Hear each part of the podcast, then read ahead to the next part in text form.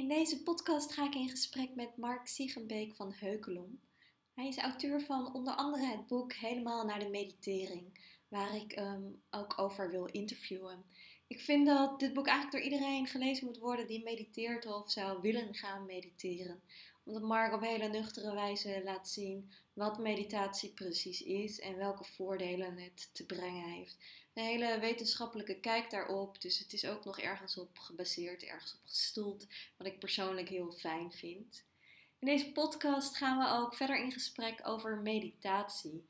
En als je denkt dat meditatie misschien iets te zweverig is voor jou, dan wil ik je vooral uitnodigen om verder te luisteren. Want Mark is alles behalve zweverig en hij weet ook echt uit te leggen waarom ook voor een niet zweverig persoon meditatie heel waardevol kan zijn. Hij geeft hele waardevolle tips voor het opbouwen van een meditatieroutine, zodat je echt structuur kunt vinden. Daarnaast legt hij ook een aantal toch wat iets wat zweverige begrippen uit, zoals eenheidsbewustzijn en ego. En ook dat doet hij weer op zijn eigen hele nuchtere wijze. En het laatste deel van de podcast, de laatste 15 minuten, vertelt Mark over zijn ervaring met ayahuasca. Een wat minder goede ervaring dan je in veel podcasts zult horen. En ik vind het belangrijk dat ook dit verhaal gehoord wordt en verteld wordt. Dus daarvoor ben ik Mark heel dankbaar. Ik wens je veel luisterplezier toe en graag weer tot in de volgende podcast. Welkom, leuk dat je luistert naar het podcastkanaal van Everything is Oom. Mijn naam is Sabrina Souban en in deze podcast ga ik in gesprek met inspirerende Nederlanders. Mensen die iets doen of die iets hebben meegemaakt waar wij met z'n allen nog een heleboel van kunnen leren. Mensen die de wereld een beetje mooier maken door wie ze zijn of door wat ze doen. Wanneer je de podcast zo meteen beluisterd hebt en je hebt dat gedaan in iTunes, dan zou je me ontzettend helpen om 5 sterren te geven, zodat nog wat meer mensen deze podcast kunnen beluisteren. Elke twee weken komt er een nieuwe aflevering online. Dus wil je geen enkele aflevering missen, abonneer je dan vooral op dit kanaal Everything is Oom. Voor nu wens ik je heel veel luisterplezier toe. Uh, jij bent coach, je bent trainer, je bent auteur en je bent quarterlife expert. Ja. Ik ken jou van het boek Helemaal naar de meditering. Ja. Een heel nuchter geschreven boek over meditatie en spiritualiteit. Ja. Ik heb jou nu zo eventjes gesproken voor uh, we begonnen met de podcast. En je bent volgens mij ook gewoon heel nuchter, stevig bij de beentjes op de grond. Hoe ben je ooit met meditatie begonnen, in aanraking gekomen? Um, ja, dus uh, hè, hoe, hoe nuchter ik ben, daar, daar zullen de meningen over verschillen. Ik, ik vind mezelf best wel nuchter. Ik denk dat zo, hè, dat is zo grappig. Dus, dat is echt een, uh, um, ja, een, uh, een flink spectrum. Dus er zullen een boel zwevers zijn die mij extreem nuchter vinden en, uh, en met, met te weinig uh, gevoel of diepgang. En ik ken ook wel, ja, ik heb ook wel van die hele rationele cognitieve types in mijn, in mijn vriendengroep die ongetwijfeld mij echt... ik, heb, ik heb wel eens wat van die dingetjes zo zijdelings gehoord van ja...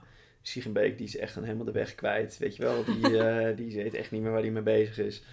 Um, omdat ik me dus ook een beetje hè, in, in, uh, graag in de, de wereld van meditatie, van de spirituele wereld, soms een beetje onderdompel. Um, maar inderdaad, ik, ik heb wel wetenschap hoog in het vaandel. Uh, de, ratio, hè, ook nog wel even een beetje kritisch blijven, blijven nadenken. Dus dat is voor mij ook in mijn eerste aanraking met meditatie en um, nou, noem het spiritualiteit erg belangrijk geweest. Dus ik zat in een traineeship uh, in het bedrijfsleven. En uh, ik had een mazzel dat ik een vrij nuchtere coach had. Uh, zij was mijn manager en coach. en ik was op dat moment, nou, ik heb nooit burn-out, een burn-out gehad, maar ik was wel een beetje overwerkt of overspannen. het was duidelijk dat ik echt een stuk meer energie kwijtraakte aan mijn werk dan, dan ik ervan kreeg. En um, zij zei op een gegeven moment: zou een mindfulness cursus niet iets voor jou zijn? En dat was voor mij. Uh, nou ja, om, omdat zij het zei, stond ik daarvoor open eigenlijk. Dus ik was er altijd al wel een beetje geïnteresseerd in geweest. Um, maar ik had het ook nog ver van me afgehaald, want het was toch allemaal zweverige crap en wat moest je ermee? nou, zo. Maar toen zij dat zei, dacht ik, ja, weet je, uh, ik voel me nu ook niet chill, dus laat ik me op, op zijn minste maar eens in verdiepen. Dus toen heb ik me ergens opgegeven. En toen had ik de mazzel dat ik daar ook een hele nuchtere vrouw trof die die mindfulness cursus gaf. Ehm, die gewoon ja, eh, ook wetenschap erbij haalde. En als het niet wetenschap was, dan op zijn minst mijn waarom vragen beantwoorden of uitlegde hoe dingen werken. Een beetje uitlegde hoe stress werkt en hoe nou, meditatie stressverlagend kon zijn. En, het, het klonk gewoon logisch. En toen dacht ik, ja, dit is, dit is helemaal niet zweverig. Dit is, mm. oké, waarom, waarom wist ik dit eigenlijk niet? Best wel raar. Dus, ehm, eh, en ik had daar ook wel, uh, van die mindfulness cursus had ik wel profijt van. Dus ik kwam erachter, ja, meditatie past eigenlijk, hè, waar ik dacht, dat is helemaal niks voor mij. Daar heb ik veel te druk hoofd voor, weet je wel. Dat, dat kan ik helemaal niet, daar word ik gillend gek van. Merkte ik dat het me juist wel wat bracht, met alle uitdagingen die er nog steeds waren. Kun je eens teruggaan naar de allereerste keer dat je ging mediteren? Weet je dat nog? Ehm, ja, ik, ik weet niet de aller, allereerste keer. Ik weet wel van die eerste periode in die mindfulness cursus dat. Ehm, ik weet nog wel dat ik het idee had, dus dat zij zei: ja, je gedachten gaan heel snel heen en weer. En, uh, uh, dus je kunt je helemaal niet uh, een minuut lang op je ademhaling focussen, want dan is je gedachte alweer afgedwaald. En ik weet nog wel dat ik toen kon ervaren, nou, dat lukt me eigenlijk heel goed. Kijk, ik ben nu bij één, ik ben nu bij twee, ik ben nu bij drie. en dat ik pas later kon zien, ja, maar daar waren waarschijnlijk nog 30.000 andere gedachten ondertussen ook. Maar, hè, dus ik, ik, was toen nog niet scherp genoeg om te zien wat er allemaal was en wat er kwam. Ehm, en ik denk dat ik ook wel een beetje mijn oude corporate drive, weet je wel, gebruikte om... Oké, nu ga ik dus echt fucking goed letten op mijn ademhaling. Oké, in, oké, uit. Weet je wel, echt nou, overfocus, zeg maar. Um, Maar ehm, wat, wat ik vooral wist, was dat ik het was iets van 20 minuten fietsen vanaf mijn huis naar de plek waar die cursus was. En dat als ik terugfietste, dan was de wereld gewoon wat anders. En het was, ik, ja, voor mij was het echt geen mensen die, die zeggen soms dat ze echt een een of andere dikke vette epiphany hebben als ze voor het eerst mediteren. Of dat ze ja, eh, allemaal vage shit meemaken met kleuren die ze zien of geluiden die ze horen. Of een of andere kosmische oes terechtkomen. Dat had ik echt totaal niet. Maar het was een heel subtiel verschil. Dus ik weet wel dat ik op de fiets zat en dat er, er, was iets anders. En ik kon dat niet eens zelfs benoemen dat er iets anders was toen. Maar ik kan me wel herinneren dat ik dat toen voelde. En, en ik denk dat als ik het nu in woorden zou uitdrukken, dat ik gewoon wat aanweziger was. Dus daar waar ik echt een fietstocht van 20 minuten en doorgaans breng ik die door in mijn hoofd. Ja. Dus dan ben ik over van alles aan het nadenken en ik zie echt nul om me heen van wat er gebeurt, behalve wat voor het verkeer belangrijk is. En toen ja, zo gebracht naar het hier en nu en naar, nou ja, dus de, uh, die, die eerste meditatie waar ook echt bodyscans, dus veel meer met je aandacht naar je lichaam toe. Waardoor ik ook daar gewoon, ook van mijn lichaam onderweg op de fiets nog wat bewuster was, denk ik. En van de geluiden en van alles wat er was. Dus, en dat was wel een wat andere beleving. Dus en met de woorden van nu kan ik zeggen dat ik wat meer in het, in het hier en nu toen op de fiets was dan eh, op, de, op de terugrit dan op de heenrit. Um, uh, ik, kon daar, ik kon dat toen alleen nog niet helemaal zo zien. Laat staan daar de voordelen van benoemen. Maar ik, ik denk dat dat ongeveer mijn, mijn eerste ervaringen zijn geweest met, uh, met meditatie, als ik zo terugkijk. Dat klinkt best prettig. Ik merk ook wel vaak dat mensen die net beginnen met mediteren, dat die vooral allemaal dingen tegenkomen die niet prettig zijn. Zo was mijn eerste meditatieervaring ook. Mijn lijf voelen, toen kwam ik erachter hoeveel spanning er overal zat. Nou, dat is niet fijn. Ja, Nee, dat hoor. Dus ik gebruik meditatie, net, net als wat jij dat ik gebruik het ook al in trainingen soms. En, en de ervaringen van mensen die nog nooit gemediteerd hebben, die zijn gewoon heel verschillend als ze er dan voor de eerste keer mee in aanraking komen. En ehm, eh, ik heb veel mensen die in slaap vallen, veel mensen die super onrustig worden in hun hoofd. Ehm, ja, eh, weet je wel, van alles. En wat ik ze ook meestal zeg is, ja, weet je, dat was er de hele tijd. Maar doordat je nu even stil zit en er aandacht van neemt, kom je erachter. Dus weet je, je hoeft niet je hoeft niet per se in slaap te vallen tijdens meditatie. Over het algemeen is dat een indicatie dat je te weinig geslapen hebt. Of dat je, weet je echt direct na de lunch gaat mediteren. Dan, ja, dat helpt niet echt. Nee, after ehm, lunch. ja, de after lunch uh, dip. Ehm, maar uh, meestal is in slaap vallen gewoon een, een ja, constatering dat je dan dus gewoon behoefte hebt aan slaap. Dat er dus eigenlijk de hele dag al slaapgebrek heerste. Maar nu ja, had je geen ruimte voor, want je was vol op adrenaline aan het gaan. Nou, hetzelfde met dat drukke hoofd. Ja, dat was er de hele tijd al. Ehm, eh, maar daar kom je pas achter als je er even de aandacht, hè, de rust en de tijd en de aandacht voor neemt. En dan, ja, dat is dan niet per definitie prettig. Het prettige kan komen ergens. Stel dat je 20 minuten gaat zitten, dan kan het zijn dat het de eerste 5 minuten onrustig is en dat het dan ergens langzaam weer ontspant. En dat je er ontspannender uitkomt. Maar ja, als je dat als, hè, dat weet je ook, als je, als je dat als objective neemt, ja, dan gaat het niet, oké, nou kom op, ontspannen. Dan gaan we ontspannen. En, en, ehm, dus ik merkte bijvoorbeeld uh, vanochtend, uh, ik had thuis net niet meer voldoende tijd om, uh, om te mediteren. Ik, ik, ik, mediteer meestal s ochtends, bijna altijd eigenlijk. En um, dus dan, uh, dan weet ik ook wel, het maakt niet zo uit. Dan ontbijt ik even. Ik heb zo meteen nog 30 minuten in de trein, dus dan pak ik daar een stukje van.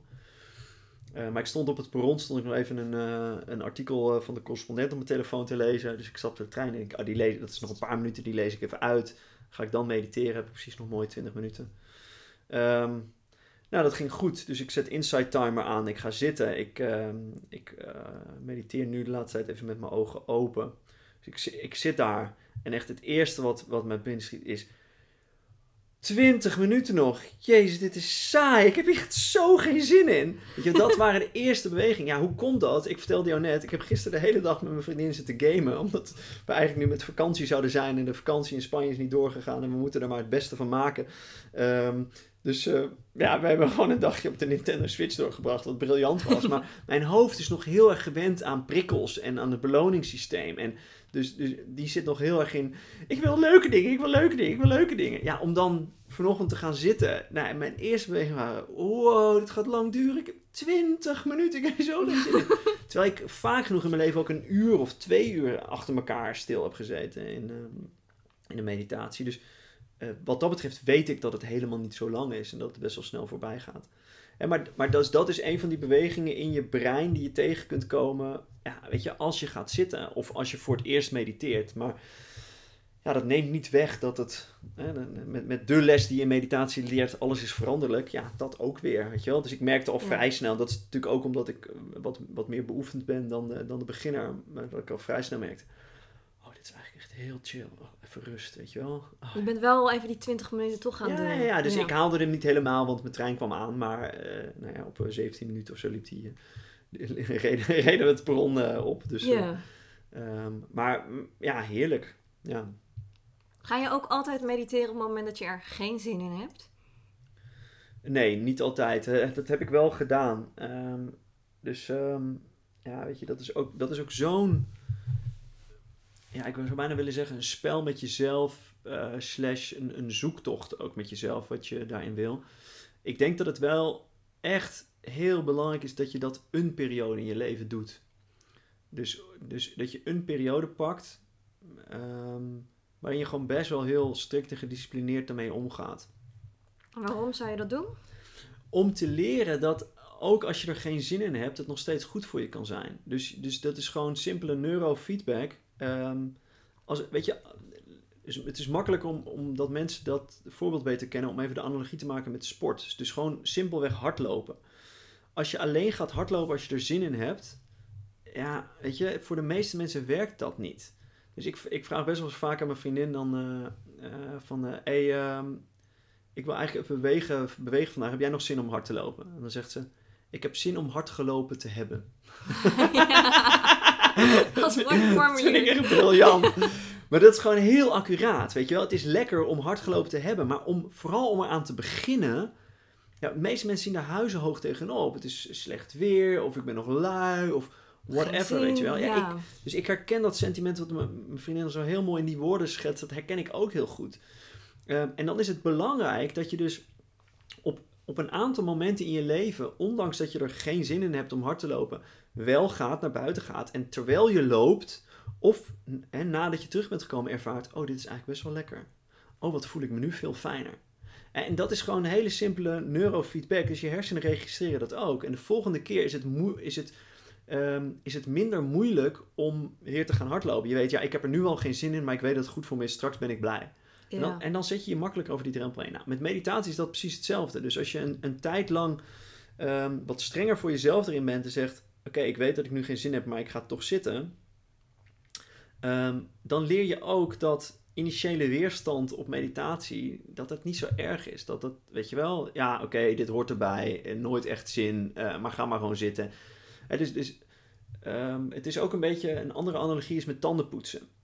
niemand heeft zin om zijn tanden te poetsen. We, we, we hebben dat alleen niet meer door. Maar weet je, een, kind heeft vrijwel elk kind heeft nooit zin om zijn tanden te Ja, poetsen. dat is meestal strijd. Dat is bijna altijd strijd. Dus, dus, en het is een goede strijd die je ouders daarin met je voeren. Want die leren je dat het ehm, misschien niet zo leuk is om aan te beginnen.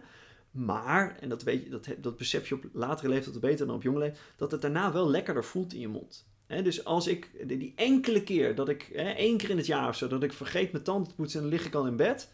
Oh, dat is echt zo afschuwelijk, Ja, hè? dat is gewoon een vies gevoel. Ja. Dat is gewoon echt een vies gevoel. Dus wat doen we? Ik weet niet jij doet, maar ik stap mijn bed uit en ik ga mijn tanden poetsen. Omdat het Ja. gewoon niet lekker voelt. En dat kost bijna geen... Natuurlijk, op dat moment wel. Hè? Dus dan lig je in je bed en denk. "Oh, Ja, het is koud om eruit te gaan. geen zin in. In de winter natuurlijk helemaal niet. Ehm, maar, maar toch, weet je wel, ondanks dat je er zoveel weerstand tegen hebt, doe je het. Al die 364 dagen per jaar is het gewoon een routine. Omdat je weet, ja, dit, is gewoon goed voor me. Dit is beter. Laat ik het maar gewoon doen. Nou, met meditatie kan dat ook die kant op gaan. Dus het, meditatie is wat dat betreft een soort van persoonlijke hygiëne. Het is gewoon een onderdeel van je persoonlijke hygiëne. Alleen, ja, omdat het wat minder fysiek is zoals, zoals we dat kennen met tanden poetsen of je haren kammen of whatever, ehm, zijn we het wat, nog wat minder gewend om het die, die manier te doen. Maar het is gewoon mentale persoonlijke hygiëne. Dus het is even niks doen met je, met je geest. Waarna het gewoon daarna, het is net als met tanden poetsen, het voelt lekkerder daarna. Het is gewoon, ja, je bent wat meer aanwezig, wat meer ontspannen. Nou, en niet altijd, maar, maar dat, dat kan gebeuren. Nou, Dus daarom denk ik dat het, dat het absoluut belangrijk is om, om, dat, om dat soms te doen. En ehm, ik heb het zelf wel, ik, ik heb, eh, dus ik, ik mediteer nu vooral van een beetje vanuit het Dzogchen eh gedachtegoed. eh, Kun je daar iets over uitleggen? ja, ik zal er zo nog wat over zeggen. Dus ik maak even mijn punt over en dan, dan kom ik erop terug. Ehm, dus vooral vanuit Dzogchen gedachtegoed. Ik heb ook veel Vipassana gedaan. Dus ehm, ook wel de tiendaagse van, eh, van Gwenka. Mhm. En, ehm, Tiendaagse echt in stilte. Ja, echt een stilte retreat. Gewoon niet echt, mogen lezen. ja, niet, niet lezen, niet praten. Mensen niet eens in de ogen aankijken. Gewoon helemaal in jezelf gekeerd. En eh elf uur per dag mediteren. Dus, dus ja, gewoon best wel intensief.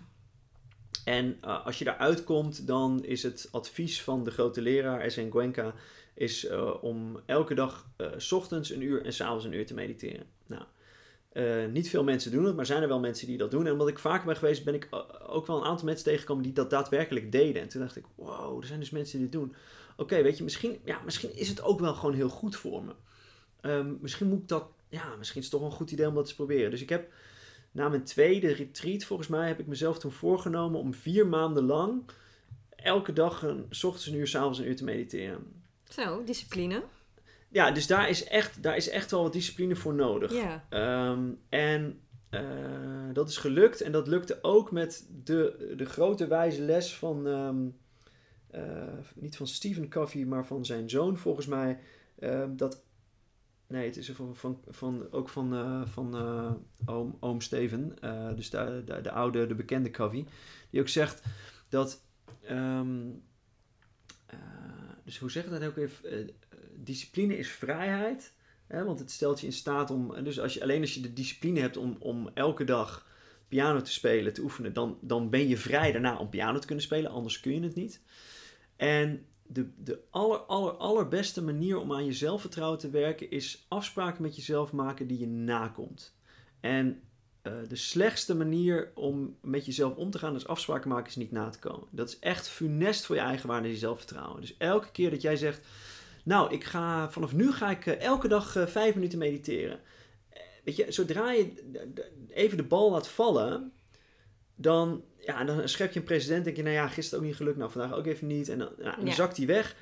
En dan weet je dus voor de volgende keer, oh ja, nou, ik ga, oh ja, ik ga weer wat meer met de beweging doen. Ik ga elke dag hardlopen.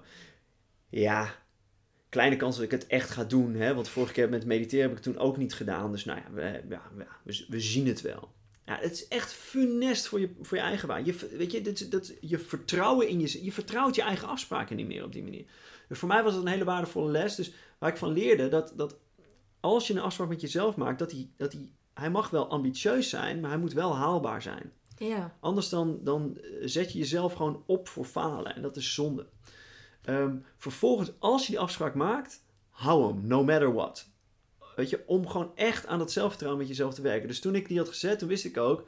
oké, nu, nu is er maar één ding belangrijk. Nu maakt het niet zoveel uit hoe goed die meditatie gaat. Het gaat er vooral om dat ik het elke dag doe. Heb je het ook echt volgehouden? die Ik heb het volgehouden. En er zijn momenten geweest, vooral de avonden. Dus ik had, ik had toen nog niet zo goed door dat ik dat voor mij beter werkt om eigenlijk. eh, dus later heb ik het nog weer een keer een periode gedaan. En toen heb ik het 's ochtends en tussen werk en avondeten gedaan. Dat is dan Oh ja. voor de avond een beter moment. Maar nu deed ik het voor het slapen gaan. Nou, twee dingen. Ja, je, je laatste ding voor het slapen gaan mediteren, dat is gewoon echt een saai vooruitzicht. Nu ga ik dus nu nog een, een Mhm. uur zitten en dan moet ik naar bed. Ja. Dat, dat helpt niet. En het andere is dat ik gewoon, ja, je bent ook al richting bed aan het bewegen. Ik was gewoon doodmoe altijd. Dus wat ik veel had, is dat ik op die stoel ging zitten en dat ik na vijf minuten al in slaap begon te vallen. Ik heb sessies gehad waar ik een uur lang knikkenbollend mezelf, ja, het had geen reet meer met meditatie te maken. Het ging nergens over. Dat was echt nog een principe ding. Van ik ga dit Het was een doen. principe ding. Want ik wist, als ik nu stop, dan is er president geschept. En dan zeg, dus als ik nu zeg, nou, ik zit al 55 minuten, dat is ook wel ongeveer een uur. Weet je? Dan zou ik die dag daarna zeggen, nou, ja, 50 minuten is ook wel ongeveer 55 minuten. Dus ook wel ongeveer een uur. Dus nou ja, zo is het ook wel goed. En ik wist gewoon, ja, dan gaat het afkalven. En dan, dan, dan hou ik dus mijn afspraak met mezelf niet. Dus op die reden heb ik hem volgehouden. En dan ben ik er ook bijvoorbeeld ook achter gekomen dat je ehm, aan het begin van een uur mediteren ontzettend in slaap kunt vallen. Maar dan als je even gaat staan, jezelf een paar keer stevig in je gezicht slaat, even een rondje loopt, wat koud water in je gezicht splasht, dat je ook wel weer wakker kunt worden. Dus ik heb ook momenten gehad dat ik 20 minuten aan het worstelen was tegen de slaap. Dat ik twee keer ben opgestaan, een rondje heb gelopen, eh, mezelf heb wakker gemaakt. En dat ik nog 40 minuten goed kon mediteren. Dus ik denk dat het een tijdje lang streng voor jezelf zijn heel erg kan helpen in, nou ja, gewoon in die neurofeedback. Om erachter te komen hoe het eigenlijk is om door iets vervelends heen te bijten. Ehm, om dan, ja, ik ben nu weer een stuk milder naar mezelf. Dus ik heb nu wat vaker dat ik, hè, dus je, je kunt ook weer iets ontwikkelen dat spiritueel ego heet. Waarin je zegt, eh, ja, Mhm. ik moet dit doen, want eh, dus anders dan, eh, nou, et cetera. Daar moeten we het straks misschien ook nog even over hebben. Spiritueel ego is super grappig. Ehm, maar dus dan is het ook wel weer zinvol om, om ergens ook weer wat milder naar jezelf te worden. Ehm, om meteen met de mildheid naar jezelf te beginnen, ja, dan weet je, als je zegt, nou, ik ga lief voor mezelf zijn, ik ga alleen hardlopen als ik er zin in heb, ja, dan gebeurt er niet zoveel. Ik ga alleen mediteren als ik er zin in heb, ja. Ja denk Dat ik werkt niet. Dat werkt denk ik niet. Nee, Nee, ik dus, zie dat eh, ook vaak bij mensen. Ja. Ja. Of de, maar wat ik ook nog wel zeg tegen mensen die juist altijd de lat zo hoog voor zichzelf leggen, dat ik dan zeg: kijk maar even. Soms is het ook gewoon mild om te zeggen: vandaag even niet. Precies. Dus het hangt er heel erg van af waar je vandaan komt en wat jouw patroon is. Ehm, Ja. En ik heb, ik, ik, een vriend van mij die zei op een gegeven moment ook van... eh, mensen zouden nog iets meer aandacht mogen hebben voor verschillende meditatiestijlen. Mm, omdat wat, we, wat, wat hij zei, is wat, wat, er, wat er wel gerapporteerd wordt, is dat... ehm, bijvoorbeeld mensen die al heel veel discipline hebben, die eindigen eerder in een Vipassana-traditie bijvoorbeeld. Ja. Of in een Zen-traditie, waar best wel, hè, waar best wel strikt, et cetera. Mensen die al wat meer zijn van het oh, liefdevol en harmonieus en alles moet leuk, die komen wat, wat eerder in de, ja, in de liefdevolle vriendelijkheid meditatiehoek terecht. In de meta. Ja. In de meta. En, en dat, is, weet je, dat is hartstikke mooi en, en, en goed, maar het is ook versterking van het patroon dat er al was. Oh, dat vind ik ook. Ik ben blij dat jij dat ook een keer zegt. Want iedereen is altijd met mij oneens. En ik denk juist, het is zo mooi om juist dat andere deel te ontwikkelen ook. Ik denk heel belangrijk. En ik denk dat het ook is.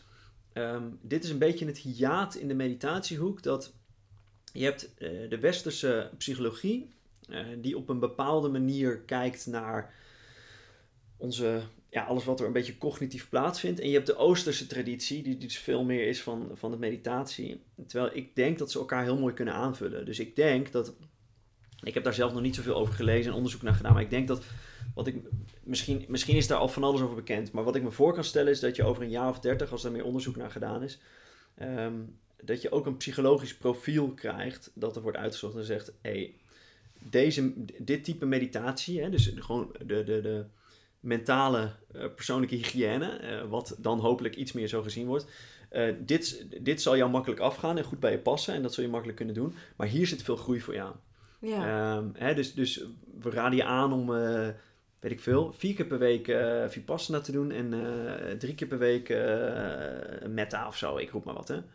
Ehm, eh, dat, dat je dus gebruik maakt van alles wat we hier in het Westen hebben geleerd over de psychologie van de mens. en het samenbrengt met wat we in het oosten hebben geleerd aan technieken die, nou ja, hè, voor, voor een stuk rust en ontspanning, uh, stressmanagement en, en spiritueel inzicht uh, uh, kunnen helpen. dus ik denk dat die juist heel mooi samengaan. Ja, ja denk ik ook. Ja. Hoe ziet jouw eigen meditatieroutine er, er op dit moment uit? Op dit moment mediteer ik met, uh, met Insight Timer. Ik ben best wel mild voor mezelf op dit moment. Dus ik uh, denk dat ik. Uh, ik heb, dus ik ben eigenlijk van. Nou ja, tijden. Dat is echt wel weer een paar jaar geleden, denk ik. Twee, drie jaar. Nou ja.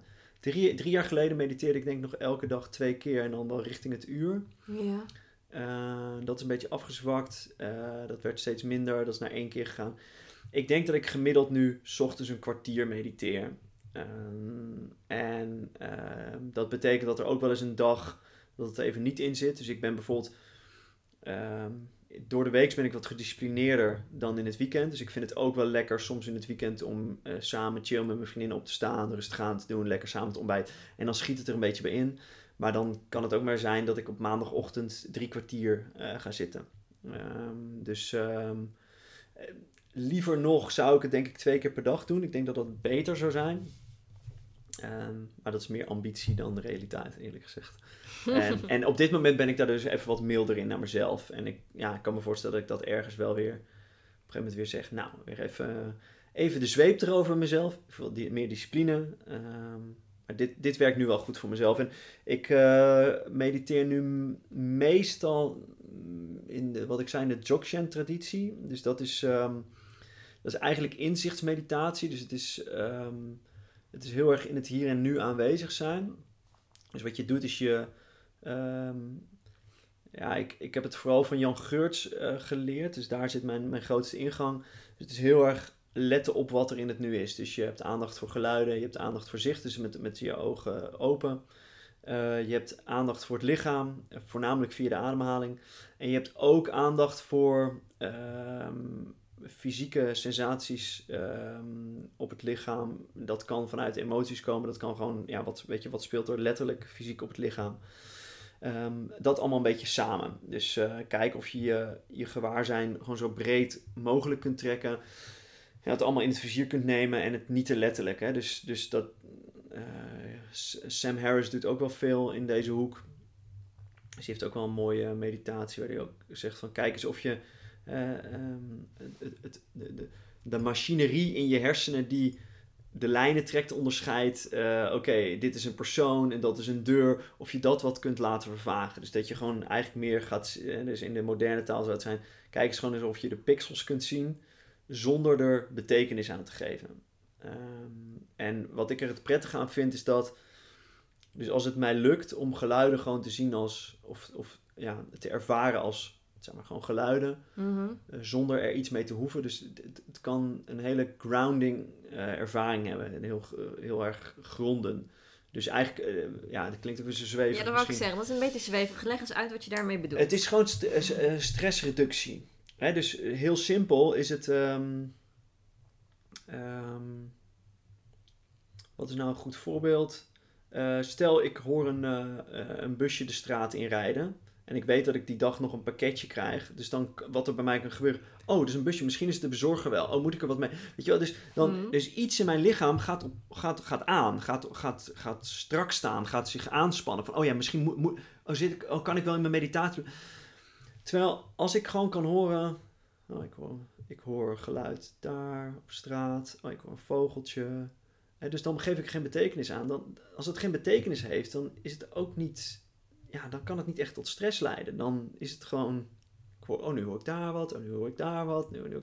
Je bent alleen maar aan het luisteren zonder aan het te analyseren. En steeds weer in het moment. Dus zodra ik me mee laat sleuren in, oh volgens mij is dat een busje en dat is die bol.com bestelling en moet ik het eigenlijk nu aan hem? Zouden ze eigenlijk al wel komen? En, of was het eigenlijk morgen? Nou weet je, dan ben je alweer weg. Dan ben je uit het nu en dan ja, dan gaan je hersenen gaan, gaan nadenken over allerlei scenario's. En, en je wil ook voorbereid zijn op die scenario's. Dus er gaan hormonen aangemaakt worden. Dus er komt cortisol in je. Er komt adrenaline. Dus je bent, je bent paraat om zo meteen op te staan van die stoel. En, en de deur open te doen voor als die meneer aanbelt. Nou, hè, dus wat ik met dat gronden bedoel, is dat, of, of aarde.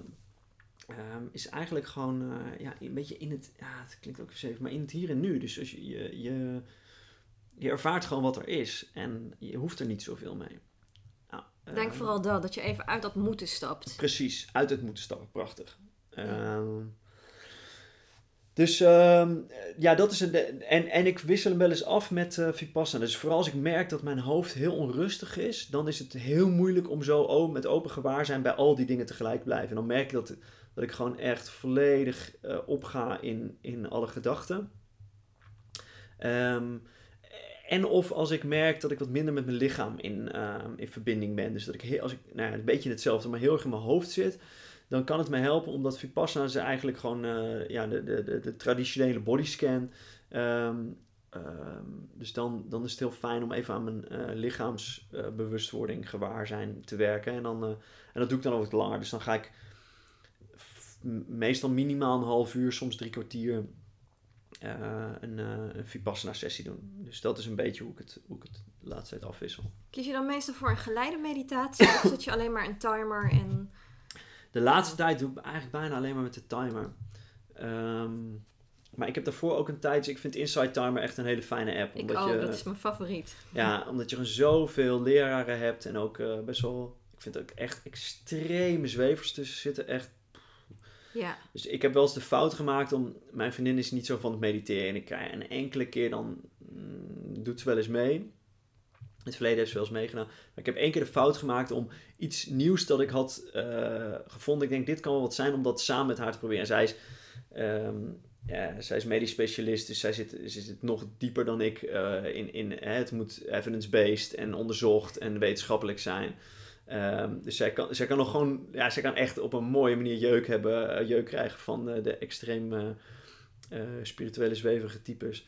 En toen, ja, ik had het gewoon vo- volledig verkeerd ingeschat, maar wij gingen liggen en, en die vent die trekt zijn bek open en je hoorde aan die stem al van, ik, ik wist toen al, weet je wel, het zou 10 minuten duren of zo. En, en natuurlijk zijn we dan stil tijdens die meditatie, maar ik wist toen al, oh, dit trekt slecht gewoon op basis van zijn stem, omdat het gewoon zo zalvend was, weet je wel. En toen wist hij het ook te presteren om iets als over, now you're floating off into the cosmos and your aura feels really light of zo, weet je wel, zoiets. dat ik gewoon wist, oh, ze gaat toch Dat dat helemaal kapot. nou ja, die, die had ik niet. Maar eh, ja, daar, daar kan ik dan ook niet zoveel mee. Maar, dus die zijn er ook. Maar ja, ook een Sam Harris en eh, hey, ehm, ik vind eh, ook zijn leermeester, hoe heet hij ook weer?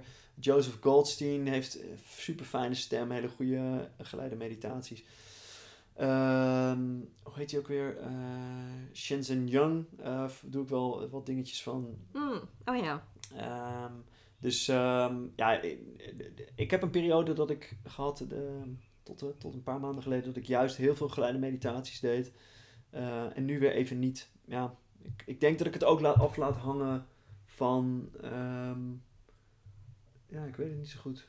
Er zijn soms fases. Tenminste, zo ervaar ik dat zelf ook. Soms vind ik het heel fijn om ergens helemaal in meegenomen te worden.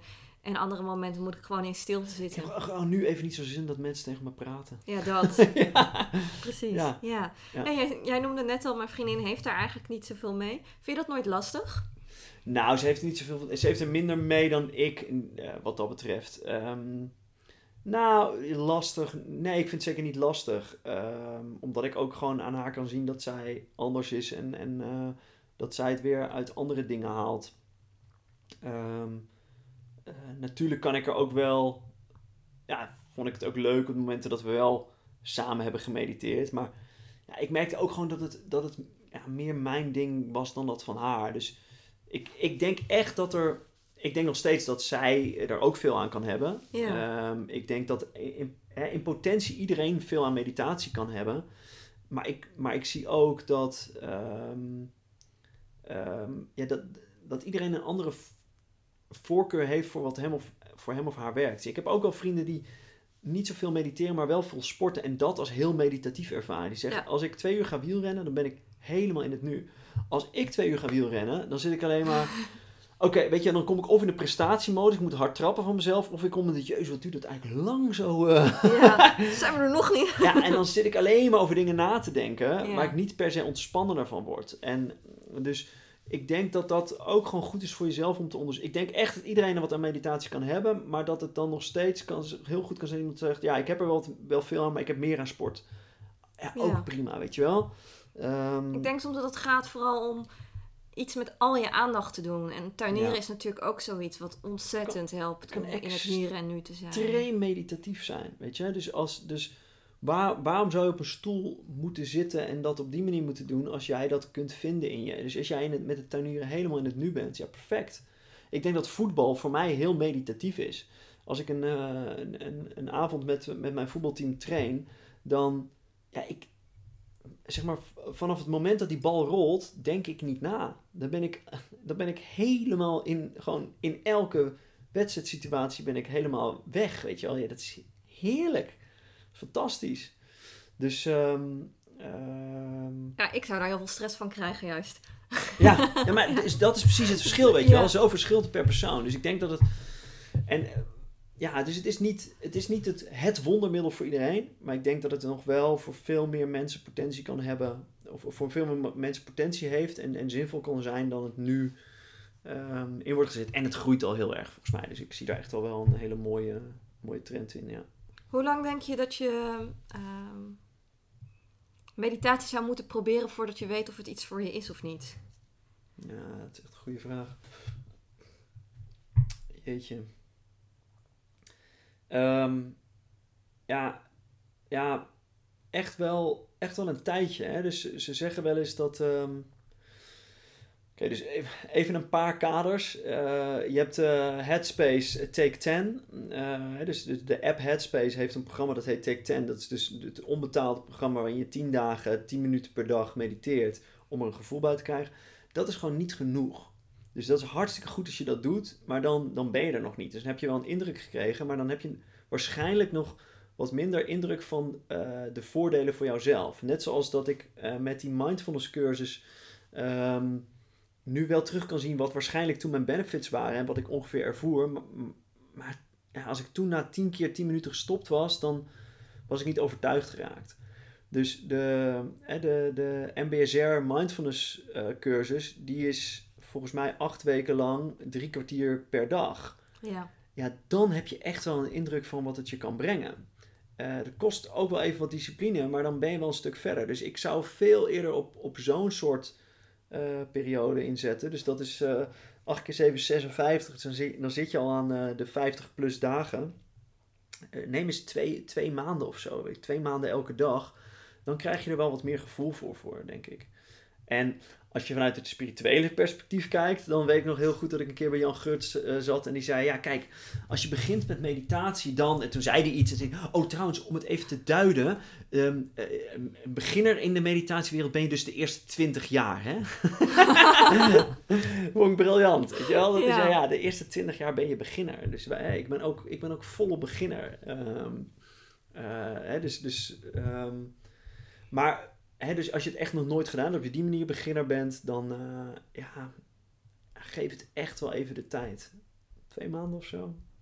Wat gebeurt er volgens Jan Geurts na, na, na 20 jaar? Nou, na 20 jaar, ehm, eh, dus het is natuurlijk geen, eh, geen strakke, strakke lijn, maar wat hij ermee bedoelt is dat bepaalde spirituele inzichten, dat, die wat, dat, dat dat wat meer tijd kost. Dus om even in mijn eigen woorden, hè, dus ik, laat even los eh, wat, hoe hij dat waarschijnlijk uit zou leggen, maar hoe, hoe ik het begrijp is dat ehm, een, bijvoorbeeld een ehm, ehm, eenheidsbewustzijnservaring, eh, waarin een soort van de grenzen van je ego wegvallen je, en je opgaat in het. ja, dus ik moet dit zo ook nog even duiden, want dit gaat echt extreem vaag eh, klinken. Maar dat, nou, la- laat ik dat gewoon gaan uitleggen. Dus, dus wat je ziet is dat mensen die, eh, hè, vooral eh, mensen die dedicated, dus monniken die dedicated eh, mediteren, maar het kan, het kan iedereen overkomen, een veel gerapporteerde ervaring in meditatie of in spirituele beoefening. Dat kan ook met, met yoga of met andere spirituele beoefening. Het kan ook met hallucinogene middelen, dus met LSD kun je dat heel makkelijk opwekken. Met ayahuasca zou het, zou het kunnen. Ehm, met eh psilocybin, eh, dus dat is wat in eh, magic mushrooms zit. Ah, oké. Ja? Ehm, dus, dus in de meditatiewereld, in, die, in die, het gebruik van die middelenwereld, ehm, een ervaring die veel gedeeld wordt, is dat de, de grenzen van het ik wegvallen. Dus nou, wat bedoel ik daarmee? ik zou mijzelf bijvoorbeeld nu heel makkelijk kunnen definiëren aan de hand van mijn lichaam. Dus wie ben ik? Nou ja, weet je wel, mijn haar, dat ben ik nog wel. Maar daarboven zit lucht, dat ben ik niet. Ehm, mijn, mijn, mijn voedsel ben ik nog wel, maar mijn sok ben ik dan weer niet. Ja, hij is wel van mij en mijn schoen is ook van mij. Dus hij hoort soort van wel bij me. Maar de vloer hier, want het is ook niet mijn huis, dat is in ieder geval niet meer. Dat hoort in ieder geval niet meer bij mij. Dus zo kan ik best wel helder afkaderen wie ik ben. Ehm, nou, daar hoort ook nog een bepaalde identiteit bij. Namelijk, ik ben Mark, die uh, toffe auteur, die uh, boeken schrijft en mensen coach. Weet je wel, dat is allemaal waar ik mijn identiteit aan ontleen. En waardoor ik me Ja. goed voel over mezelf. Eh, dat, eh, dat heb ik nodig ook om me goed te voelen over mezelf. Eh, ik zou willen dat, dat het anders was, maar dat ik spiritueel verder was. Maar dat is nou helemaal niet zo. Ehm, maar dat, dus dat, dat valt bij mensen dus soms weg. Dus, dus wat zij ervaren, bijvoorbeeld, ehm, eh, ik, ik, weet het van een, een vriend van me die beschreef toen hij LSD had gebruikt. Hij zei, hij lag op een strand en zei, ik was het zand. Zeg, ja, ik weet dat het heel vaag klinkt, maar dat ervoer, ik kon gewoon ervaren dat het zand en ik, dat, het, dat we één zijn. Nou, dat is een eenheidsbewustzijnservaring. Dus je bewustzijn, waar je normaal denkt, ik ben, ik ben maar ik. Ineens val je samen met je omgeving. Dus eh, ik heb ook wel eens gelezen van een, een boeddhistische monnik die zit te mediteren en die ook zo'n ervaring heeft. En gewoon ziet, ik ben die boom die daar buiten staat. Wij zijn, wij zijn hetzelfde, wij zijn één. Wij zijn het universum, noem het hoe je het wil noemen. Alleen maar deze woorden die ik nu gebruik. En ik heb dit ook nooit zo op die manier zelf ervaren. Ik heb er wel glimpjes van, soort van een beetje ervaren. Ik, ik kan me er wel iets bij voorstellen. Ja. Ik denk dat ik wel li- lichter aan proef soms. Ehm, Heb je er wel eens middelen voor gebruikt om dat wat meer te ervaren? Ja, ik heb wel eens wat geprobeerd, maar daar moeten we het straks nog maar even over hebben. Als de microfoon uitstaat. Nee, dat mag best met de microfoon aan, maar dat was niet de meest eh, succesvolle... Ah, Ik heb wel eens ben ik ayahuasca. Ik heb twee keer ayahuasca gebruikt, maar dat was niet Ah. zo'n. eh, dat was een hele leerzame, maar niet zo'n leuke ervaring. Ehm, daar, daar kunnen we het straks nog even over hebben. ja. Ehm, maar, hè, dus. dus ehm, de- de- wat ik gebruik zijn nu alleen maar woorden. Dus dat, is, dat blijft een beetje vaag. Maar als je, hè, als je dat ervaart, dan verandert er dus wel wat. Dan, dan kun je inzien van, oh ja, weet je, ik word niet per definitie eh, gedefinieerd door nou, wat we dan in, in die termen door mijn ego noemen. Dus eigenlijk het, het ik-gevoel, ik ben ik en jij bent jij, dat valt weg, want, want de grenzen vallen weg. Ehm, eh, en, het, en, en je bewustzijn wordt gewoon wat breder, wat ruimer. Ehm, en, en dat is iets wat ehm, naarmate je verder vordert op dat spirituele pad, wat, wat eerder, wat sneller, eh, makkelijker zou kunnen komen. Is ook niet voor iedereen altijd eh, weggelegd. Nee. Dus de boeddhisten zeggen dan, ja, is voor sommigen niet in dit leven, maar hey, is niet in dit leven dat je verlicht raakt, maar pas in een volgend leven. Nou ja, ik weet niet of ik daar zo in geloof, maar eh, dat is dan weer hun manier van kijken. Maar dat is denk ik wat hij bedoelde met die eerste twintig jaar op het spirituele pad. Ja. Ehm, ja. Mooi hoe je dat uitlegt. Helder. Ja, nou, en in, in, in mijn boek ehm, eh, probeer ik ook nog wel één of twee wat meer ook wetenschappelijke ehm, ja, een soort van gronden erbij te halen. Dus wat ik zelf altijd wel een mooi voorbeeld vind, is wat Sam Harris uitlegt. Maar ik kwam het ook in een boek van eh, Yuval Noah Harari van Sapiens en Homo Deus eh, tegen. Is een, ehm, een wetenschappelijk onderzoek met mensen die hoe heet dat, heet dat een lobotomie? Eh, waarbij de, eh, dus misschien heet het net anders, waarbij de, de twee hersenhelften worden doorgesneden ehm, omdat ze eh, epileptische aanvallen hebben. Dus dit is een ingreep die vroeger, en nu is dat echt slagerswerk tot en met zou je nooit meer doen. Maar toen gebeurde dat wel om mensen met epilepsie van hun aanvallen af te helpen. Ah, dat ken ik helemaal niet. Ja, en, ehm, en wat er gebeurt is, zodra je die brug tussen de beide hersenhelften doorsnijdt, dan, dan die hersenhelften kunnen nog wel met elkaar communiceren, maar minder Ja. goed.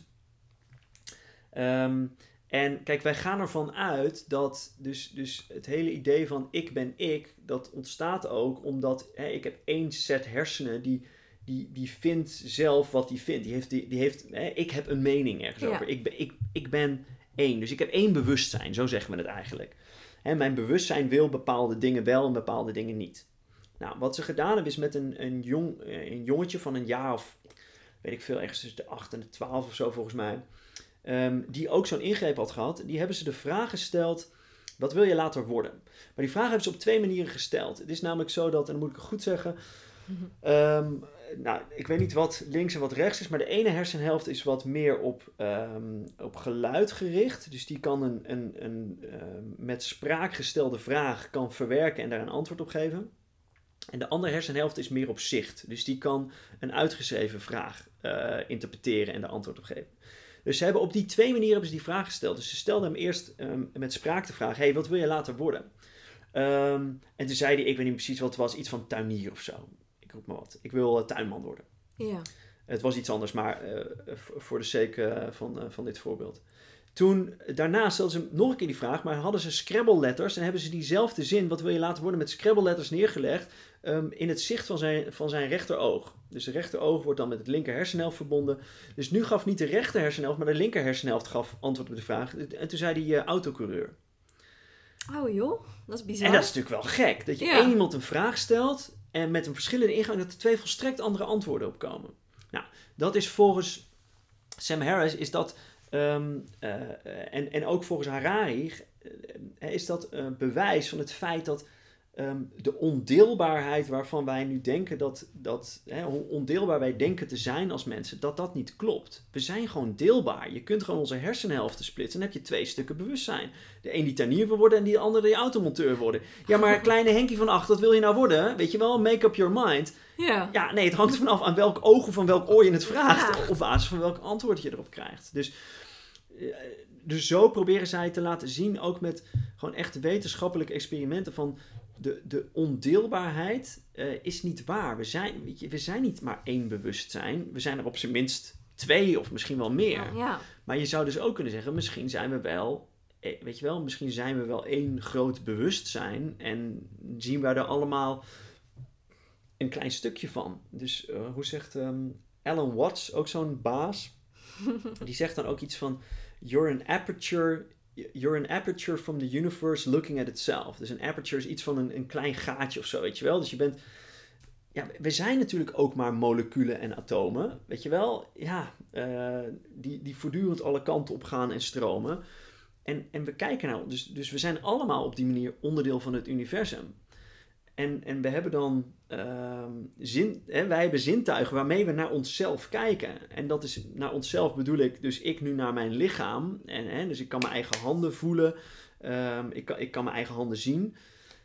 Maar ik kan ook de, de grond hier zien. Die bestaat uit dezelfde moleculen en atomen als, als de rest van het universum. Dus op die manier ben ik een, Ja. een aperture. Nou, dit is allemaal, weet je, dit is echt, dit zijn allemaal woorden. Eh, en, en ik kan ook voorstellen dat voor sommige mensen extreem abstract klinkt. Wat de fuck bedoel je? Het? je was toch niet zweverig? Je was toch niet zweven, dus dit is ook heel filosofisch en zo. Maar het idee van meditatie en, en dus de, de spirituele benadering van meditatie is dat je dit ergens kunt ervaren. Hè, dus ehm, Ja. in milde vorm, dus ik zeg niet dat ik eh, verlichtingservaringen heb gehad in die zin, of dat ik eh, eenheidsbewustzijnservaring heb gehad. Ik ben wat dat betreft echt nog steeds een beginner op dat spirituele meditatieve pad. Maar wat ik wel soms in meditatie heb, is dat ik iets meer kan zien dat, ehm, dat, ja, dat dingen gewoon gebeuren. Dus en, ja, er is nu gewoon geluid. Dus dat ik iets meer kan zien. Ja, dat ik iets meer loskom van, mijn, van dat ego-gevoel. Want een ego-gevoel kan ook het kan heel krampachtig voelen. Dus als ik ik ben, dan moet ik ook ik beschermen. En dan moet ik ook zorgen dat ik succesvol is. En het kan heel veel druk opleggen. Dus als er geen ik meer is, dat is aan de ene kant doodeng, want je grenzen vallen weg. Maar aan de andere kant is het ook bevrijdend tot en met.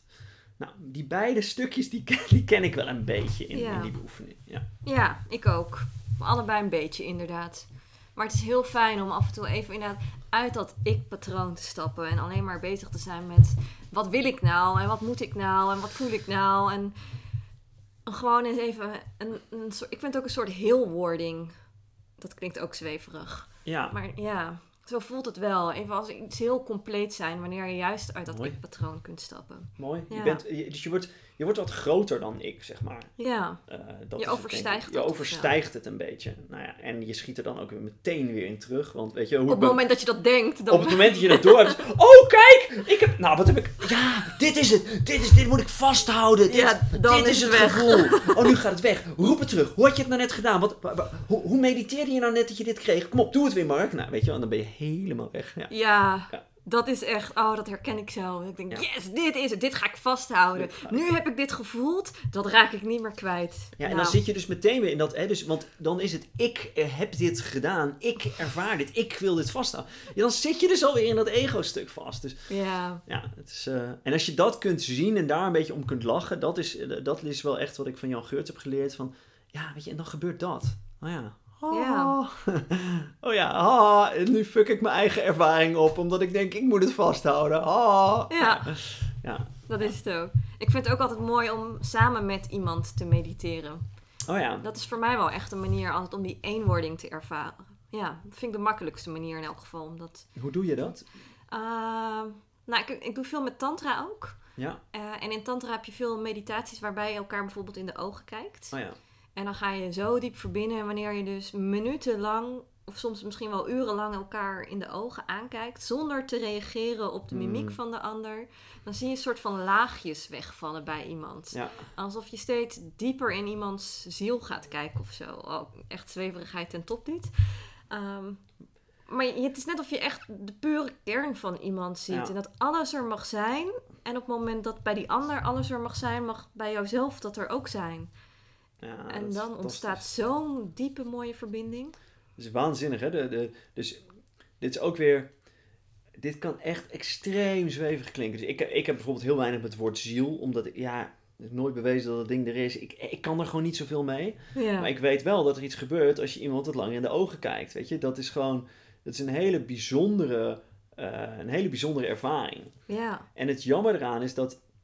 Ik gebruik dat ook wel eens in trainingen om, om, om mensen die manier van elkaar te laten ontmoeten, ook, ook eens te laten ervaren.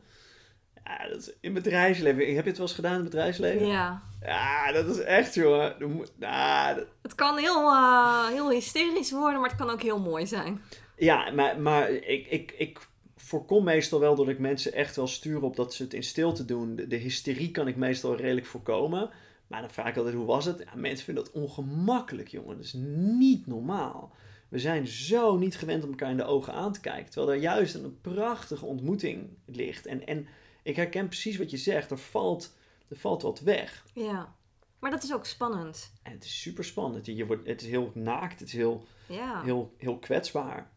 Maar daarmee dus ook juist zo mooi, weet je. Ja, Maar daar zit het hem ook in. Mensen vinden het vaak in het begin heel spannend, terwijl er zoveel veiligheid in zit. Omdat je dus Ja. jezelf tegelijkertijd blootgeeft. precies. En als je dat allebei mooi, mooi kwetsbaar kunt doen, dan zit er dus juist heel, vaak heel veel acceptatie in die ogen van een ander. Ja. Ehm, dus, eh, en, en dit vind ik dus ook zoiets. Dit, hè, dus jij haalt het uit de tantra, maar dit is ook gewoon in de westerse psychologie weten we ook dat de ogen van een ander, hoe belangrijk die zijn. Hè? Dus dit is, dit is hoe we het als kind gedaan hebben. Waar haalden we permissie om iets wel of niet te mogen doen? In de ogen van onze ouders, weet je wel. Mhm. Daar halen we informatie op. Dus hoe helend is het om een tijd lang in ogen te kijken van iemand die alles in jou accepteert, die nergens een oordeel op heeft en alleen maar gewoon zelf, weet je wel, in een meditatieve toestand vooruit kijkt en gewoon, ja, heerlijk. Het is prachtig. Permissie, permissie om er te mogen zijn tot en met. Ja. Het is ook heel mooi om dat te doen, bijvoorbeeld met je partner, op het moment dat je boos bent op elkaar. Wat de natuurlijke reactie is, is juist dat oogcontact vermijden wanneer je boos bent op de ander. Of wanneer de ander boos is op jou. Ik bedoel, Ja. dan sla je je ogen een beetje neer, je maakt jezelf een beetje klein. Ja. Gaat liefst nog even weg. Maar juist om dan dat oogcontact te maken. En Doe je dat wel met, met jouw partner? nou, dat is soms de uitdaging. Want dat, is, dat is natuurlijk ook het moeilijkste moment om ja. daar, daar naartoe te gaan. Dat hangt er een beetje vanaf. Hij is niet zo vaak boos op mij. Het is eerder dat ik dan boos op hem ben. maar hij was laatst was hij heel boos op mij. Dat- Misschien wel de eerste keer dat hij echt, echt boos op me is geweest. Ja, En toen durfde ik hem ook gewoon niet meer aan te kijken. Dat was echt het moment dat ik dacht van... Oh ja, dit is wat ik altijd aan iedereen uitleg. Dat je iemand dan niet meer durft aan te kijken. Dat toen kon je het echt bij jezelf voelen. Ja, en dat ik alleen maar dacht... Als ik die verbinding weer wil... En dat, dat wilde ik wel... Dan moet ik hem aan gaan kijken. Maar hij is ook een stuk langer dan ik. Dus dan moet ik ook nog omhoog kijken. Ja. Weet, dat is ook nog een dingetje. Ja, En ondertussen, ja, hij straalde alleen maar boosheid uit. Al zei hij niks meer. Maar ik voelde die energie Ja, op me ja. afkomen. En dat ik alleen maar dacht... Ik wil die verbinding. En kracht zit dan in de ogen.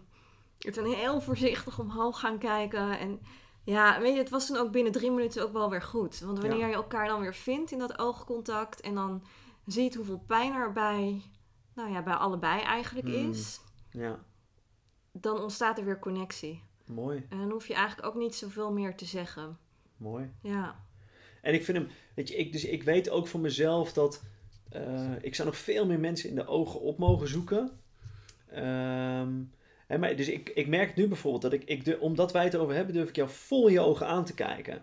ja ik merk En- verschil met net. Ja, hè, dat is ook gewoon, we hebben het er zo over, dus dat, dat vind ik dan ook fijn. Maar ehm, ja, me- meestal mag ik dat ook niet voor mezelf. Omdat ik ook Oh, nee? weet hoe kwetsbaar, weet je wel, hoe, hoe bloot, hoe naakt het voor die ander kan voelen. Ja. Ehm, en nou, wie beschrijft dat ook alweer? Is ook iemand die. Oh, dat is Sam Harris volgens mij. Die ook beschrijft dat het in de spirituele wereld is natuurlijk een ding, hè? In iemand in de ogen aankijkt. Maar dat het soms ook echt tot een soort van psychopathische taferelen leidt. Dat hij op een gegeven moment. Hij beschrijft als zo mooi dat hij in een trein zit. En dat hij, ja, dat hij gewoon heel erg bezig is met mensen in de ogen kijken. En dat hij iemand vindt.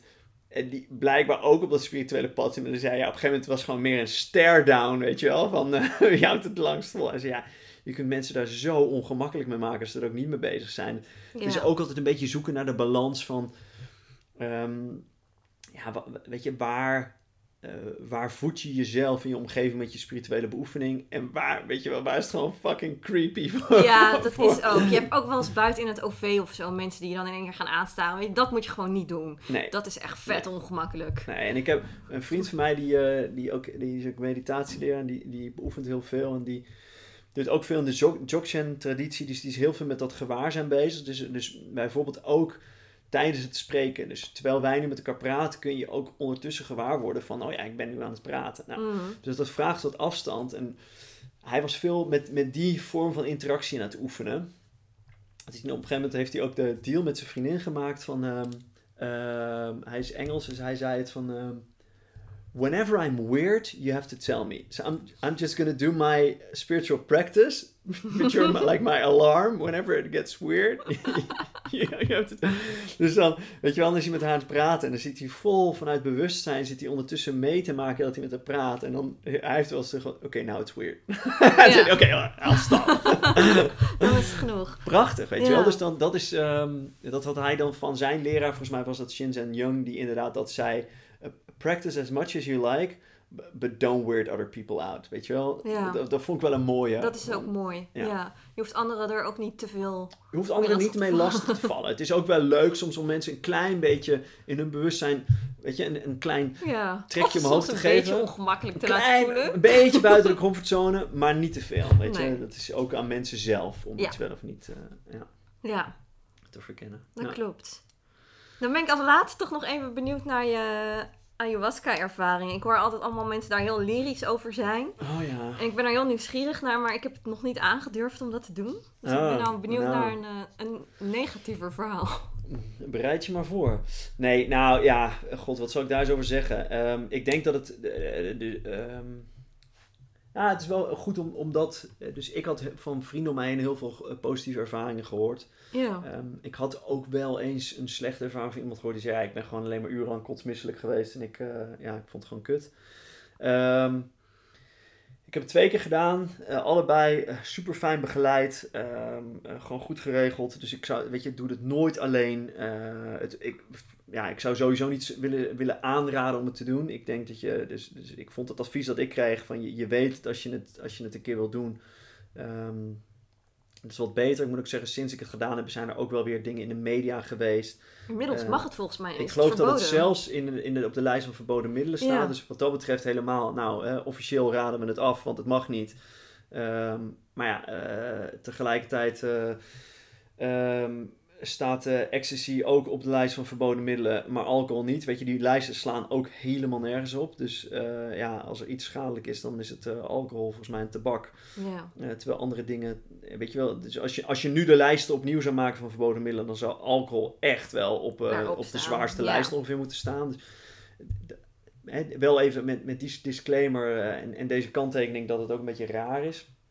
Maar nou ja, any- anyway, laat ik gewoon alleen over mijn eigen ervaring vertellen.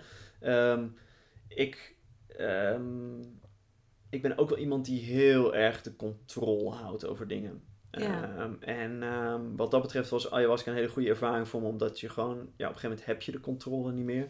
Maar dat is voor mij ook wel heel beangstigend geweest. Dus ik heb gewoon, de eerste keer heb ik geen eh, fantastische ervaring gehad, omdat ik gewoon heel veel angst ben tegengekomen. Nou heeft iedereen dat wel in zekere zin, maar ik heb ook wel volgens mij een vrij gevoelig zenuwstelsel. Dus ik kan heel erg van dingen schrikken.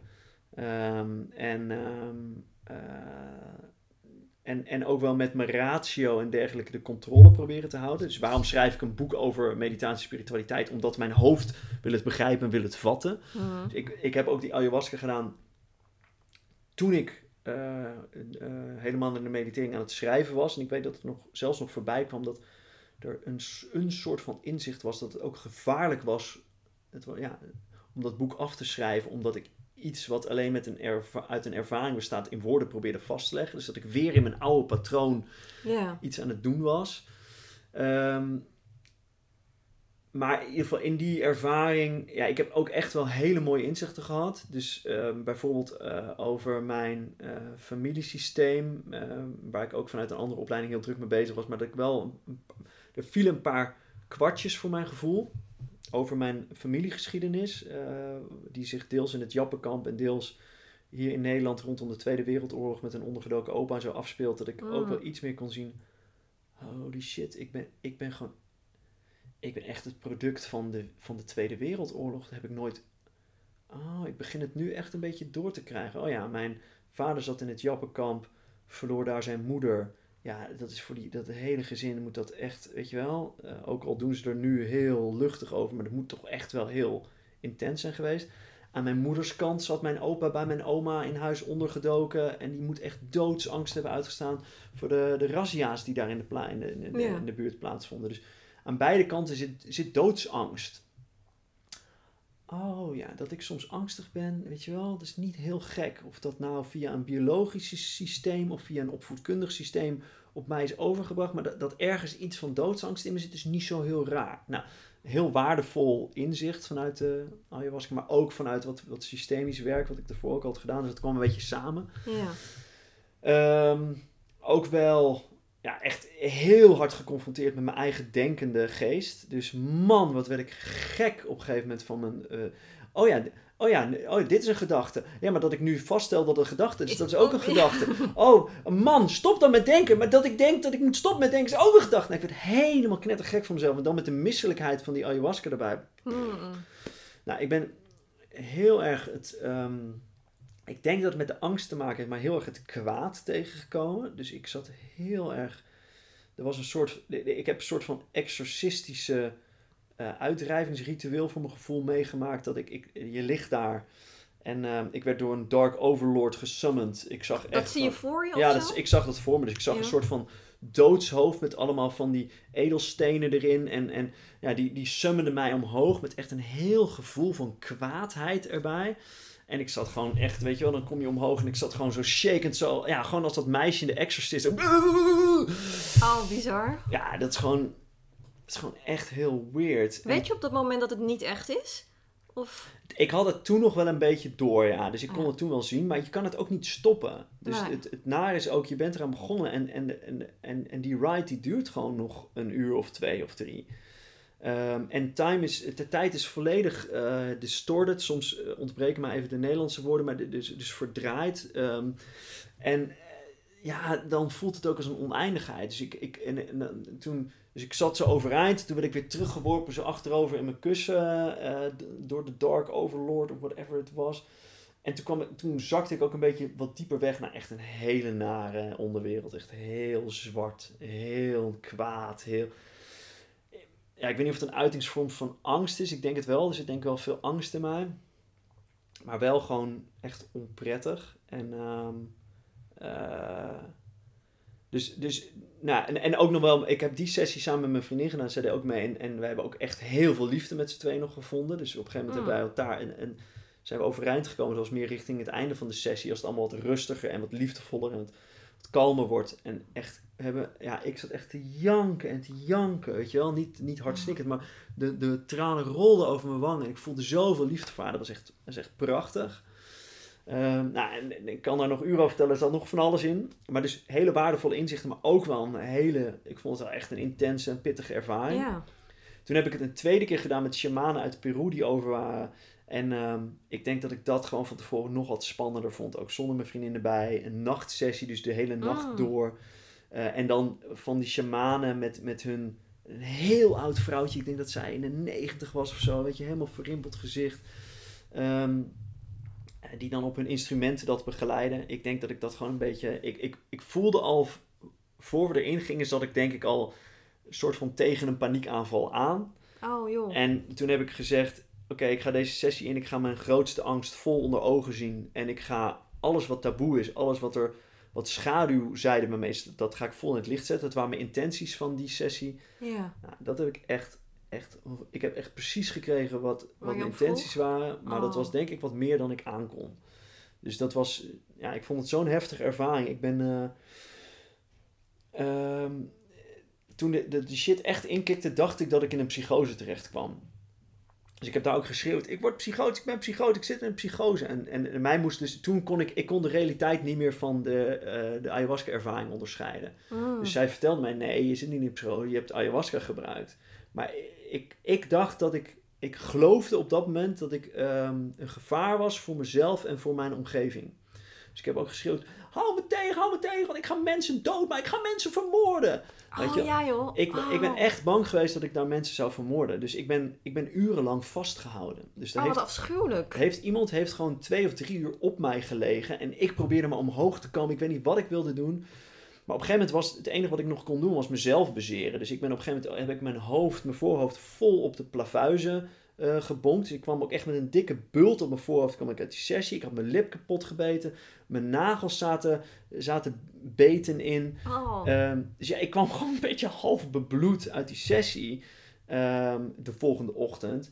En ehm, ik heb daar shit door die ruimte gekrijsd, jongen. Het was gewoon, ja, ik, gewoon alles wat schaduw en taboe was, dat kwam boven en dat heb ik, dat is eruit gekomen. Dus wat dat betreft heb ik lekker gewerkt aan mijn persoonlijke ontwikkeling en mijn schaduwzijde en de taboekant. Ja, het was wel heftig voor mij en mijn omgeving. En, en Ja. ik, ik ben daar ook weer vol in, de, in dat kwaad en in die, in- oh man, die wereld. Wuh. nou ja, in de angst. En, eh, dus ik denk dat ik ook wel echt in een paniekaanval zat tijdens die hele sessie. Want mijn ademhaling zat ook heel hoog. Zei ook, ja. breng je ademhaling nou naar beneden. Ja, ik had daar nul controle meer op. Dus ehm, het is niet als spookverhaal bedoeld. Ook dit is in zekere zin een, een... Ja, ik vind het nog wel moeilijk om te zeggen. Het is iets meer dan... Het is nu denk ik richting de anderhalf jaar geleden. Dus ik, ik, denk, nou, ik denk nog minstens wekelijks aan die sessie. Omdat het gewoon zoveel indruk heeft gemaakt. Ik denk dat er heel veel waardevolle inzichten in zitten. Ehm, ehm, ik denk, ja, op zijn minst heb ik, eh, op zijn minst heb ik geleerd hoe het voor mensen met een mentale ziekte, hoe ontzettend vervelend dat moet zijn.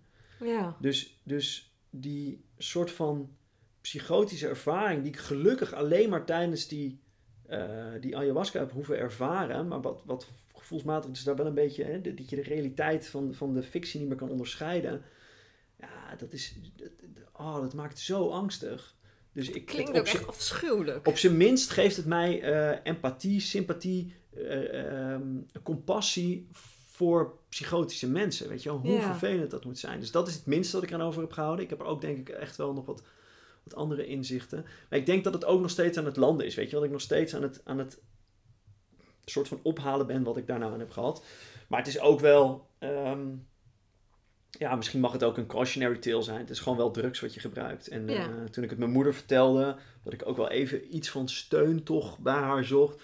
Toen, toen zei zij ook wel van ja, pas toch op met dat soort dingen. Want weet je wel, je zal maar net eh, wel iets doen en, en er een blijvend effect van hebben. Ja, dat gebeurt ook nog wel eens. En dat hoor je ook wel eens. Dus ik ken Ja. ook van een, een vriend van mij, een, een, een broertje van hem, heeft op een gegeven moment te veel ecstasy gebruikt. En die, die heeft daarna echt nog lang van psychotisch-achtige klachten eh, last gehad. Dus het is ook echt wel goed om, om je goed voor te laten lichten in, in wat gebruik je, wat doet het. Eh, en, en ik persoonlijk, maar dat is ook een beetje mijn manier, ik zou het nooit, dat soort dingen, nooit recreatief gebruiken. Dus ik, ik geloof, het is een prachtig boek van, ehm, hoe heet hij ook weer? Oh man, ehm, naam noem ik nog. eh, How to Change Your Mind, Michael Pollan. Ah, ja? Ken je hem? Of, eh, Ja. Een boek ook gelezen of niet? Mm, in begonnen, maar niet uitgelezen. Oh, ik vond het geweldig. Ja? Ja, ik vond het echt briljant. Want hij zo mooi uitlegt hoe die ehm, eh, psychedelica, hoe die, nou ja, weet je welk effect die kunnen hebben, wat die kunnen doen.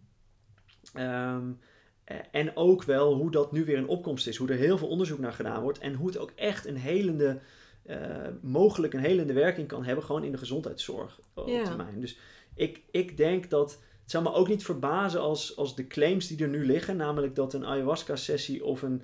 eh, en een, geleide, een therapeutische geleide ayahuasca of een, een therapeutisch geleide LSD of, of psilocybin ehm, dat als we daar beter in worden, als we het integreren in, in de gewone gezondheidszorg en, en eh, dus echt ja, eh, goed opgeleide therapeuten hebben die dat als hulpmiddel gebruiken om, om mensen bijvoorbeeld met, met traumaverwerking en dergelijke. Dan is de claim nu, roepen sommige mensen, dat je 12 jaar therapie in één sessie kan hebben ja, van een paar uur. ze. Ja. En, en ik snap dat wel een beetje met wat ik zelf ervaren heb. Dat, ja, ik was al heel veel met systemisch werk bezig, maar doordat de hormonen ineens helemaal anders door, hè, dat, dat, dat ook de bloedtoevoer, dus dat laat Michael Pollan in zijn boek heel mooi zien. Wat er in je hersenen gebeurt, is ineens allemaal andere paden worden er bewandeld tussen die neuronen. Ehm, ja, dan, dan kan het zijn dat je ineens eh, eh, ijskastjes openzet waar je dingen had geparkeerd, waar je even niet bij wilde komen, waar dik vet trauma op zit. Het is niet leuk om daar doorheen te werken, maar als je daar goede begeleiding bij hebt, oeh, dat kan wel veel, Wel dat kan wel waardevol. heel waardevol zijn. Dat kan wel veel, veel oplossen. Ehm, dus ik denk dat het, dat het op termijn wel eens een plek zou kunnen hebben. En disclaimer, we moeten daar nog gewoon hartstikke veel onderzoek naar doen. Ja. En dan moet dat nog weer geïntegreerd worden in de gezondheidszorg, et cetera. Ehm, ja, dus ik, ik ben geen voorstander, geen tegenstander. Het is gewoon heel genuanceerd, denk ik. En, eh, ehm, en, ik, en ik had laatst weer iemand die ik sprak, die, die is echt op retreat in eh, Peru geweest. En eh, die zei dat, ja, dit voelde wel echt als een aantal jaar therapie in, in één tiendaagse. Ehm, en ik ken iemand die zei, mijn opleider, die zei op een gegeven moment... eh, ja, weet je Mark, met Aya, zei hij, ayahuasca... ehm, ja, dat is toch een beetje voor masochisten. Eh, dus, dus eh, in die wereld voor mensen die wat meer met, met dit soort middelen werken, eh, is, is dat ook wel een beetje het perspectief dat als je zoiets wil, dat, het, dat je misschien ook wel eens naar eh psilocybin of LSD of dat soort dingen kunt kijken. Dat is misschien wat minder heftig dan pff, wat je Ja. meemaakt met een ayahuasca of eh, andere dingen. Met, volgens mij is het vooral DMT, dus eh, de, de stof, de werkbare stof in. eh, dus, dus Michael Pollan schrijft er ook iets over. Die krijgt het op een gegeven moment toegediend door een of andere blaaspijp. Mhm. Die ademt het in. En die, hij zegt, die trip duurde maar 10 minuten.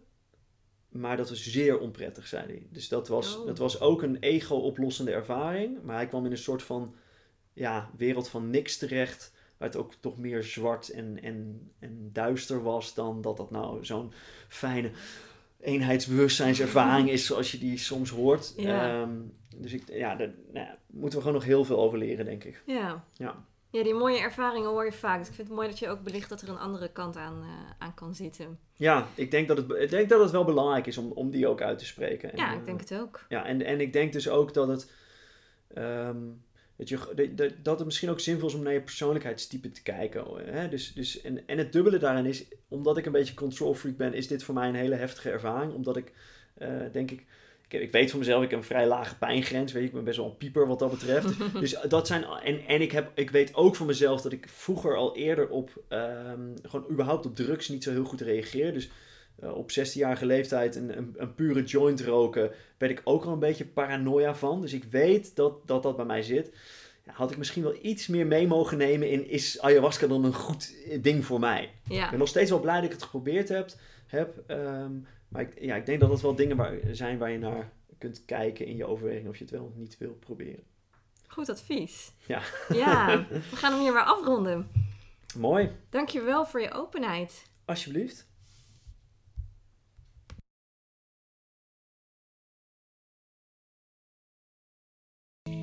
Bedankt voor het luisteren naar het kanaal van Everything is Oom.